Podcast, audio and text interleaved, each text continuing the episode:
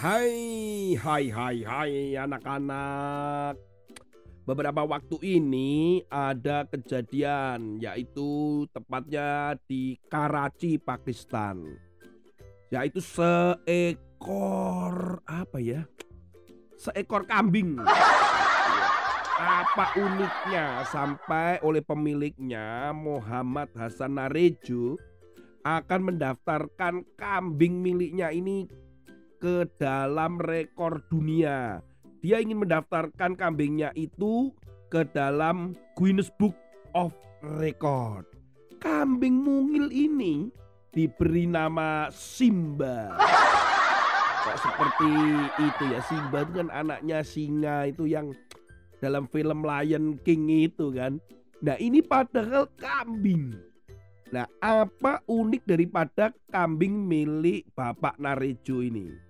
Ternyata kambing yang lahir saat itu tiba-tiba ya bukan tiba-tiba lahir ya lahir gitu loh Kak Tony. Aduh. Memiliki keunikan yaitu telinganya. Telinganya itu memiliki daun telinga yang panjang. Panjangnya tahu berapa? 48 cm itu waktu lahir tapi ketika rencana mau didaftarkan ini oleh Pak Narejo, telinganya itu sudah 55 cm. Ini sangat menyulitkan bagi Simba ketika lari ke sana kemari bermain dengan kambing-kambing yang lain. Oleh karena itu Pak Narejo membuat kantong dari kulit yang berbahan bludru dan untuk melindungi telinganya supaya mempermudah si Simba bermain ke sana kemari tanpa terganggu oleh telinga yang kelepak-kelepik kelepak-kelepik. Si Simba ini sangat dilindungi oleh pemiliknya dan beberapa rekan daripada Pak Narijo. Bahkan Pak Narijo bilang Simba itu saya bentengi dengan doa supaya tidak terjadi apa-apa maksudnya. Bayangkan Simba ini kepada teman-teman yang lain para kambing-kambing mbek-mbek itu mbek itu kira-kira dianggap aneh apa enggak ya? Ya mungkin dianggap aneh lah ya gitu ya. Ini memang keunikan dari perbinatangan. Firman Tuhan hari ini kita belajar terambil dalam Amsal pasal 22 ayat yang ke-22 sampai 23. Janganlah merampas orang lemah karena ia lemah dan janganlah menginjak-injak orang yang berkesusahan di pintu gerbang. Sebab Tuhan membela perkara mereka dan mengambil nyawa orang yang merampasi mereka. Malah seperti si Simba yang lemah ini, lemah loh dia ini dengan kelemahan dan kekurangannya telinganya yang panjang itu dianggap pasti mengganggu dan tidak normal. Simba tidak ya tidak minder. Ya, ya kan kambing Kak Tony. Iya iya.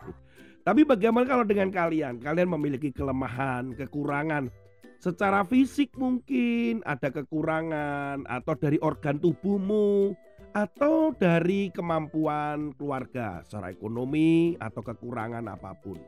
Kalian tidak boleh minder anak-anak. Kita tidak boleh merasa minder atau rendah diri bahwa kita mengalami atau kita ada kekurangan di dalam diri kita. Bisa jadi, Kak Tony saya ini jalannya agak pincang. Ada juga, Kak Tony saya agak gagap atau kesulitan bicara.